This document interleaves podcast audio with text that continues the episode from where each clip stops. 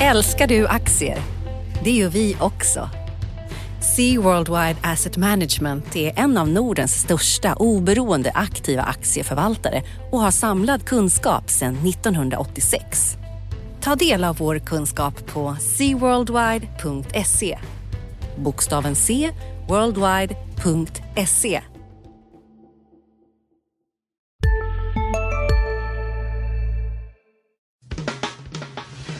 Analyspodden från Dagens Industri. Hej och välkomna till veckans avsnitt av Analyspodden, Dagens Industris podd där vi pratar börs och makro. Och lämpligt nog har vi eh, en makroexpert med oss och en börsexpert. Ja, Får man väl säga. Det är jag då, Martin Blomgren och den andra är Viktor Munkhammar. precis.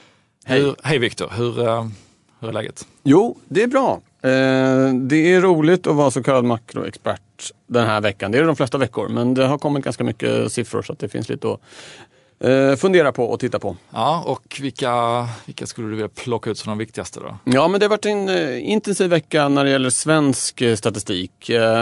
Vi fick en jättefin jobbsiffra här för några dagar sedan. Arbetslösheten är nu nere på den lägsta nivån sedan hösten 2008 faktiskt. Och den sjönk av rätt skäl. Sysselsättningen steg kraftigt. Annars kan ju arbetslösheten sjunka därför att folk eh, lämnar arbetskraften. Men så var det inte. Så det var, det, det, det var jättebra. Eh, toppen behövs. Eh, underbart. Sen eh, lite dystrare. Eh, KIs månadsbarometer sjönk för fjärde månaden i rad och eh, här nu på morgonen så kom det ännu en svag siffra från detaljhandeln. Den trenden är klart vikande, eh, visserligen från väldigt eh, starka tal förra året.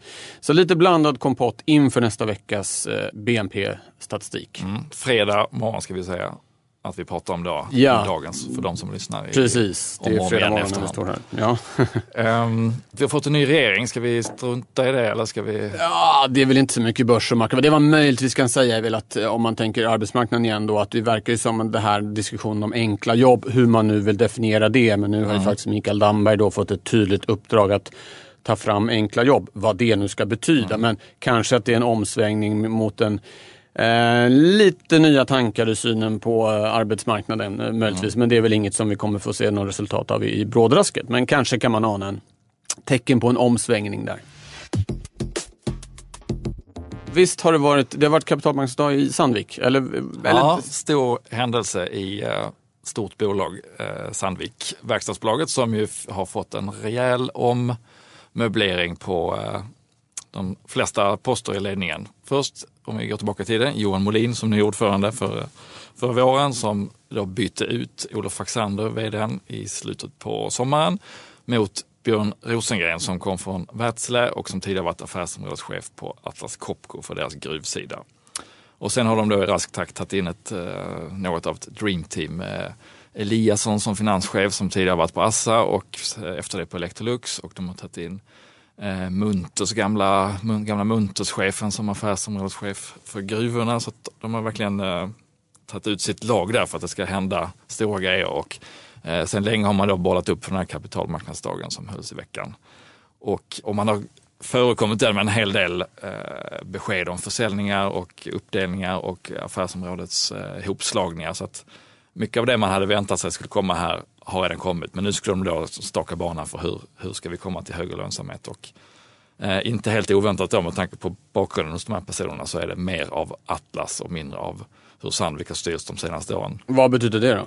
Jo, det betyder att man trycker ut resultatansvaret längre ut i organisationen. Om du är en affärsområdeschef eller divisionschef så kan du inte gömma dig bakom att eh, en del kostnader är, är gemensamma för hela koncernen utan du, du ska driva det som ditt eget lilla företag med resultat och, eh, och även balansräkningsansvar ibland. Då. Så att eh, mer entreprenörmässigt i varje enhet och mer eh, fokus på att det ska gå ihop, intäkter och kostnader. Och vad tyckte börsen om det här? Eh, Börsen tyckte först att det var toppen för de kom med nya finansiella mål dessutom då för hur, hur det skulle se ut de kommande tre åren. Eh, Man skrotar ett tidigare mål på 8% tillväxt över en konjunkturcykel. Vilket ju ingen tror på när det är eh, i det läge som det är nu där, där det är eh, låg eh, inflation och svårt att höja priserna och ingen större tillväxt i ekonomin. Istället sätter man då in ett mål att öka vinsten de kommande tre åren upp till en viss nivå som låg lite högre än vad analytikerna hade räknat med för 2018. Så det tyckte, det första intrycket där, det var jättebra. Sen så inser man då att det finns ju lite olika sätt att räkna på och valuta och eh, vad händer om de säljer vissa delar som inte var med i analytikernas kalkyl och sådär. Så att summa summarum så var det ingen jättestor skillnad mot vad analytikerna hade trott om 2018. Och då föll kursen tillbaka. Ja. Men eh, förtroendet för den här nya ledningen är jättehögt skulle jag säga, men det har man redan prisat in. Då för Sandvik har gått upp i år på en fallande börs och gått bättre än många konkurrenter. Så att, Eh, och i den negativa vågskålen kan man också lägga då att de, de ska inte nå de här målen med hjälp av en bättre marknad. De ser ingen, inga tecken på att det ska vara en bättre marknad de kommande åren, utan de ska fixa det på egen hand. Eh, och det är ju, är ju gott då för förtroendet för målen. Samtidigt så talar det för att eh, det kommer bli en ganska sur marknad ett tag till. Ja, från mitt eh, makroperspektiv då så är det ju lite, det är alltid intressant att höra vad bolagen som är faktiskt ute i Mm. ekonomin på, på riktigt sådär. De eh, vågar alltså inte tro på någon omsättningsökning, eh, Sandvik. Nej, de räknar med precis en, en marginalnivå på den omsättningen som de hade förra året. Ja. Sen Är så det- är det mycket som kan hända och Är det ett sätt att, då att all omsättningsökning kommer lite som grädde på moset? Att de liksom lägger ribban lite lägre för att vara på den säkra sidan? Eller eh, ska man tro att det är liksom deras genuina bedömning att försäljningen kommer inte att öka? jag tror det är en kombination av att man vill säga att vi gör de här eh, åtgärderna och målen eh, utan att liksom ha någon from förhoppning om att marknaden ska komma. Ja. Plus att man inte ser det. Det är klart att om man hade sett en jätteboom, varför man nu skulle göra det, så hade man, inte, så hade man väl antytt det i alla fall, men det gör man inte. Mm, ja. Ja, det får oss lite tillbaka till det här med de här konjunktursignalerna från, från Sverige vi har sett. Om man liksom summerar det här så kan man säga att utvecklingen på arbetsmarknaden kommer sent i cykeln i Sverige. Ofta fortsätter arbetslösheten att sjunka efter att konjunkturen har toppat och vänt ner. Och eh, det, det mönstret rimmar ganska väl med det här vi har sett med en barometer som är på väg ner och detaljhandel som är på väg ner. Så jag, jag tror liksom summan av de signaler som kommit är att vi är på toppen nu och nu kommer det att gå lite långsammare. Det behöver inte betyda på något sätt att det kommer bli dåligt därför att toppen vi har varit på är tillväxttal runt 4% och i en värld som då bland annat Sandvik berättar om där det inte händer så jättemycket. Nej. De räknar inte med att öka omsättningen så även om den svenska tillväxttakten skulle halveras till 2 så är det fortfarande ganska bra fart. Men jag tror att vi har eh, ja, vår bästa tid är nog nu uh, konjunkturmässigt vilket då inte betyder att det inte kan bli ganska trevligt också den lilla utförsbacke som jag tror väntar. Och att faktiskt uh, utvecklingen på arbetsmarknaden kan nog fortsätta förbättras ett, ett ganska bra tag till. Innan vi lämnar börsen så kan vi ju nämna att det har varit en kapitalmarknadsdag till. Mhm. Betsson, spelbolaget, som jag eh, besökte igår, torsdagen. Och det var väl inte alls lika mycket nyheter då som Sandvik, men eh, det man kan ta med sig därifrån är väl att de håller väldigt eh, starkt fast vid sin strategi med multibrand, alltså ha flera olika varumärken ut mot kunden. Ja. Eh, tänk Volkswagen-modellen, att man har både Skoda, eh, Audi, Porsche, alltihopa ut mot kunden, men bakom kulisserna så ligger allt på samma fabrik och samma plattform. Eh, Undrar man ju genast vilket är motsvarigheten till uh, avgasfusket då i Bet- Betsson? Ja, det har väl inte avslöjats än kanske. Nej, men, eh, okej. Ja, det får man läsa om i Dagens Industri kanske. Förhoppningsvis får man Ja. läsa det först, om det finns ett sånt eh, fusk. Ja. det, var, det var inget som Det var ingen som kom upp på kapitalmarknaden. Nej, Nej, okej. Nej, det låter skönt. Bra. Ja. Ja, men en intressant eh, punkt tycker jag är att snittspelaren kör då på 2,5 olika spelbolag. Okej. Och eh, Betsson vill ju då att om man går vidare från ett till ett annat så ska man gå till ett annat Betssonbolag. Och så kanske man inte ens själv är medveten om att det är samma, samma ägare. Så det, om du har en... Man ska byta från Skoda till en Volkswagen Exakt, utan att veta om att man handlar hos samma. precis. Ja. Mm. Och gärna ha båda. Mm. Mm. Eh, men de har haft lite problem kortsiktigt eh, och halkat efter konkurrenten Unibet. Så det, det finns, kortsiktigt finns det en del oro. Det, de finns exponerade mot Turkiet och det, det är regleringar där det är oklart hur höga skatterna blir. Samtidigt så på lång sikt så det, finns det jättemycket kvar att göra. 90 procent av allt spelande i världen är fortfarande offline. Aha, Så är man en online eh, aktör i framkant så finns det en strukturell tillväxt jättelångt eh, framåt. Ja, ja. Men det är mycket som, det är mycket som stör med... Det är väl mycket regleringsfrågor va, för hela den här branschen. Vad Det- som ska gälla egentligen och, och alla ligger på Malta och eh, ska det vara licens och hit och dit? Är, det- är det Exakt, som- ja. det är många länder som vill införa li- licenssystem, bland annat Sverige. Då. Och eh, det Betsson och de andra stora ofta vill då är ju att vara med innan regleringen eller precis när den sker. Därför att eh, då får man en annan legitimitet, att man, man, man är jämställd med det statliga alternativet plötsligt. Och att eh, det har visat sig då, enligt Betssons siffror, att tillväxten strax efter en eh, reglering blev faktiskt högre än vad det var innan. Aha. Och eh, i kombination så slås de, en del små spelare ut som inte har liksom skalan att kunna hantera det, för man får en högre skattesats. Ja, ja. Och så måste man klara att ha, ha lite folk som kan sitta och kolla de här reglerna och sånt. Man behöver lite massa och struktur antar jag. då, Exakt, att och det finns lite Ja. hållbarhets och, eh, och, eh, och sådär spelberoende frågor som man måste... Inträdesbarriärerna stiger efter en reglering då kan man säga. Och då är det Inträdes- bra att vara stor och på plats innan. Inträdesbarriärerna stiger men de försvinner inte för det är ju, det är ju som, som bekant redan möjligt att spela på spelbolag i Sverige fast det finns ett monopol. Så att de försvinner inte men, men det blir en, rätt utfört så blir det en mycket mer eh, reglerad marknad som, där, de flesta är i Sista dagarna nu på vårens stora season sale. Passa på att göra sommarfint hemma, både inne och ute. Och fynda till fantastiska priser. Måndagen den 6 maj avslutar vi med Kvällsöppet i 21. Välkommen till Mio. Hej, Synoptik här. Visste du att solens UV-strålar kan vara skadliga och åldra dina ögon i förtid? Kom in till oss så hjälper vi dig att hitta rätt solglasögon som skyddar dina ögon. Välkommen till Synoptik. systemet. Ja. Det är ju det som Ja. de som reglerar vill och eh, de stora aktörerna också. Så eh, inte så mycket nyheter till mig från den kapitalmarknadsdagen, men de vill in i det reglerade och det finns den långsiktiga potentialen för. Något annat, visst var det något nu på morgonen eh, i, som jag tror till Ja. och med du har skrivit lite om, va? Core, eh, en storägare som har eh, sålt. Precis, de senaste årens börsintroduktioner börjar ju bli några månader, kvartal på nacken och då drar sig de ägare som satte dem på börsen ofta ur. För att, eh, ofta är det så att man noterar inte alla aktier på en gång utan man noterar en del och sen så är man kvar som ägare för att visa att vi tror fortfarande på det här och sen successivt så säljer man ut. Och i fallet med Core då, som är ett eh, servicebolag som utför städning och restaurangverksamhet och sådär på storbolag, så gick deras ägare Cinven ut eh, med sin sist, sitt sista ägande på torsdagskvällen. Då. Mhm, mm.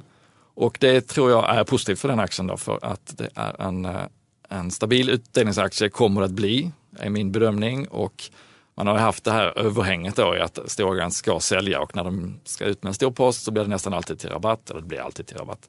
Eh, och det blir det även, även den här gången, men det var ganska liten rabatt så det fanns uppenbarligen ett stort intresse för att ta de sista aktierna och nu är den frågan liksom borta. Nu är, Nu är Sinman helt ute ur bilden eller? Exakt, Ja, okej, ja. exakt. Mm. så nu kan man fokusera på att det är ett eh, bolag som har kommit med ett par bra rapporter i följd efter börjat ganska svagt för sommaren och att de kan eh, växla upp utdelningen och en 5-6 procents direktavkastning i ett eh, bolag som är ganska konjunkturokänsligt. Det låter ju kanon. Det är bara att hugga. Ja, okej. Tack för det. Vad har mer hänt? Vi har haft en Electrolux-intervju i veckan. Ja, Den nya just det, nu är vi den. Ja. Jonas Samuelsson, eh, som ju tog över efter Keith McLaughlin, som lämnade efter det här stora GE-köpet, eh, Som inte blev något köp. som inte blev något köp. Nej, det blev väldigt, Som blev en smäll Dyrt. på 18 miljarder eller något sånt där va? ah, riktigt så mycket fick de inte betala, va? men 1,8. Jaha, okej, ja, det var något decimalfel där. Ja. Ja, jag har inte siffran i huvudet, men de åkte ju på en jätteavgift för att eh, inte köpet blev av, utan GE sålde istället till eh, kinesiska hajer. Som tar sig in då med en stor eh, position på den amerikanska vitvarumarknaden. Eh, och efter det så vill då Jonas Samuelsson köpa på andra marknader. Han lyfter väldigt mycket fram proffsprodukterna, alltså deras proffskök och eh, tvättmaskiner, framförallt köken. Där då. marginalen är störst då, eller hur? Marginalen är stört, men framför allt det viktiga tror jag är att det är en eh, varumärkesmässig grej. Att man vill visa att man är någonting mer än bara en vitvärutillverkare bland andra. Man har kunskapen om hur proffsen vill laga mat och man kan ta med den in i, i de andra produkterna. Både varumärkesmässigt och att man faktiskt använder Okej, den så det stärker konsumentaffären när man kan visa på att proffsaktörerna använder de här grejerna. Så Precis. ja, Precis. Mm. Och en annan intressant sak där tyckte jag var att i april så föll då vitvarumarknaden i USA för första gången på jättelänge. AHAM 6-siffrorna som de kallas då. Eh, och det, men det var inget som oroade honom utan han, han eh, menade att det har gått väldigt bra i början på året och att det skulle komma ett bakslag var inte inte så mycket att eh, bråka om utan det hoppade upp och ner. Att, eh, och Det är intressant. Det har ju varit väldigt bra fart på husmarknaden i USA. De senaste siffrorna som har kommit här med nya husköp Mm. och sådana saker. Jättestarka siffror. Det är väl sånt som gynnar Elux då gissar jag. Man- Absolut, det talar ju för att den här trenden kommer tillbaka. För att, eh, förutom att man byter kyl och frys när den går sönder så är det ju ofta när man flyttar eller köper ny lägenhet eller hus som man kastar ut den gamla. Så att det är jätteviktigt för- deras del att det finns en omsättning på husmarknaden. Ja, okej. Så att där får han nog rätt i på kort sikt i alla fall. Sen hur länge den här amerikanska starka makten håller i sig. Om räntorna börjar höjas och det blir om arbetslösheten kanske har bottnat där också. Det, det återstår väl att se. Ja. Och där förde du oss på ett väldigt snyggt sätt in på eh, Tack, den, stora, om, ja, den stora omprisningen av, av Fed, alltså den amerikanska centralbanken som har skett de senaste tio dagarna. Eh, om, jag, om vi backar två veckor så trodde ingen att något skulle hända vid junimötet. 15 juni kommer det beskedet. Eh, det är nu inte så att alla tror att Fed kommer höja då men det är i alla fall en sannolikhet på över 50 procent eh, om man ser till priserna på terminsmarknaden att, att räntan efter mötet i juli kommer, kommer att ha höjts och då att det skulle ske antingen i juni eller juli. Det är jättemånga ledamöter som har varit ute och pratat och låtit väldigt högaktiga som det brukar kallas och sådär och eh, nu på fredagskvällen så ska Janet Yellen, alltså chefen, eh, eh, prata och det blir möjlighet för henne att liksom bekräfta om marknaden har gjort rätt som har sprungit iväg på det här sättet eller om hon vill backa tillbaka förväntningarna lite grann och liksom hålla alla dörrar öppna. Så det, det blir intressant. Och det hon antagligen kommer säga är som många andra också har sagt att det är fortfarande den ekonomiska statistiken som styr. Visar ekonomin att utvecklingen är så stark eller visar siffrorna att ekonomin är så stark så, så kommer räntan att höjas. Och där kommer det ju massa siffror eh, nästa vecka som blir viktiga. Dels inköpschefsindex eh, som är en sån här tidig indikator som har varit lite halvskruttig för USA vill man nog gärna se en hyfsad siffra. Onsdag, va? Eh, Jo, onsdag. Eh, men sen på fredag då jobbstatistiken. Just Eh, det, ju- sysselsättningen för Ja. maj. Ja, precis, och det är väl den, liksom den, det bredaste måttet på utvecklingen i den amerikanska ekonomin. Något som Fed tittar väldigt mycket på. Så att, eh, det blir eh, högintressant. Om den är urusel så kan man tänka sig att den här räntehöjningssannolikheten går ner rätt så väldigt kraftigt och är den superstark så går den Ja, så precis. Och där, den, dessutom är det en lite lurig månad. Det är nämligen så att det har varit en, en stor strejk på Verizon, den här stora teleoperatören. Eh, och eh, i den här, om man ska räknas som sysselsatt, då ska man ha fått lön när frågan ställs. Och är man i strejk så får man inte lön. Eh, Och det här är bland annat ett analyshus som heter Capital Economics tror att det här kan dra ner statistiken ganska ordentligt. Alltså, i, grund, I grunden tror de på ungefär 170 000 nya jobb vilket vore en jättebra siffra. Inte lika stark som vi har sett men fortfarande väldigt stark. Men att det kan bli kanske ner mot 120 på grund av Verizon och lite eh, leveransproblem på grund av den här jordbävningen i Japan som var som kan eh, göra att bilindustrin får köra lite långsammare. Så den kan, vara, kan, vara, kan komma att bli lite, lite svårtolkad då på, på fredag. Men eh, det blir en, en viktig vecka den nästa för vad Fed ska göra i, i juni. Och det kommer att påverka dollarn, eh, räntorna och hur börsen kommer att Ja. reagera tycker jag är lite o, Ja, oklart. ja, men det är någonting som... Det, sen hela den här omprisningen av Fed, eh, parallellt med den så har nästan inte någonting hänt med börsen. Vilket ju i grund och botten är väldigt, väldigt positivt. Vi har ju varit i ett konstigt läge där liksom dåliga nyheter har varit bra nyheter. Dåliga nyheter som gör att centralbankerna inte vågar höja räntan eller sänka dem har varit bra för börsen för det kommer mer gratispengar. Så vill vi egentligen inte ha det. Vi vill ju att börsen ska så att säga, reagera positivt när ekonomin går starkare. Eh, och då är det lite glädjande att, att börsen lite verkar lycka, rycka på axlarna åt att det kanske blir en räntehöjning. Ja, men det, kanske till och med att det ses som ett, ett, ett styrketecken. Ja, men Fed bedömer att nu eh, är det så pass stabil återhämtning i USA att vi vågar höja räntan. Det är fortfarande väldigt låga nivåer, en, en, en, en 25 punkters steg så det är inte sån liksom, dramatik på det viset. Men med tanke på den tiden vi kommer ifrån så är det ändå en stor grej. Så att, eh, att börsen eh, hittills rycker på axlarna tycker jag känns eh, lite positivt. Mm, mm. Se om det fortsätter. Eh, med nästa vecka då, innan vi lämnar ordet, det är ju ett OPEC-möte på torsdag. De har ju halvårsvisa stormöten där eh, shejkerna flygs in till Wien för att prata om eh, hur mycket de ska producera. Och de har inte kommit jättebra överens på sistone utan överlämnat till marknaden att sätta priset och då gick det ju rakt ner i backen först och sen så har det stuckit iväg uppåt här över 50 dollar fatet i veckan. Eh, och eh, de här produktionsfrysningarna som man pratade ganska mycket om för några månader sedan, det, det känns väl som att det kanske inte är det så akut nu. Nej, nej, precis. Dels har ju priset stigit och sen så var det väl en ganska tydlig markering från Saudiarabien att de eh, inte är så intresserade av det. Eh, det är ju väldigt mycket relationen mot Iran där och där finns det ju tusen andra faktorer som spelar in. Det är ju geopolitik, politik, eh, hela stökiga läget i Mellanöstern och sådär. Men mm, den stora frågan är väl, kan man väl ställa sig, spelar de här OPEC-mötena längre så stor roll? Eller har organisationen tillfälligt eller Mm. för, för framtid liksom, eh, eh, löst upp sig själv i och med att de har så svårt att komma överens. Och så här. Men, men visst, det får man absolut hålla ögonen på. Mm. Det skulle vara överraskande tror jag om, om Saudiarabien byter fot. Det var inte så länge sedan de här förhandlingarna om frysproduktion eh, sprack.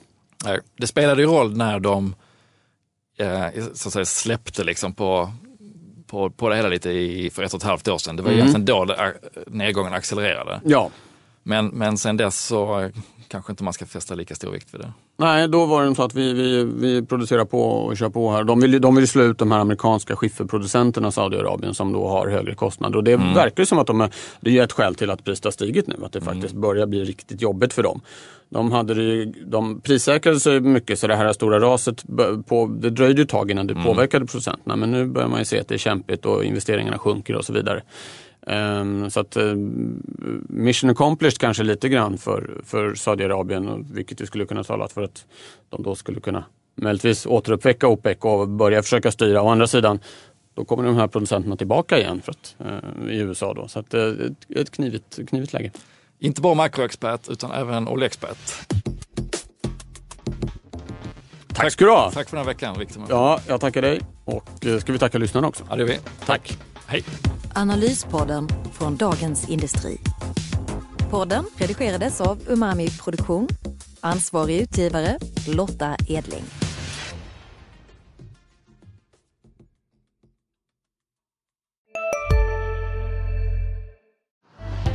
Älskar du aktier?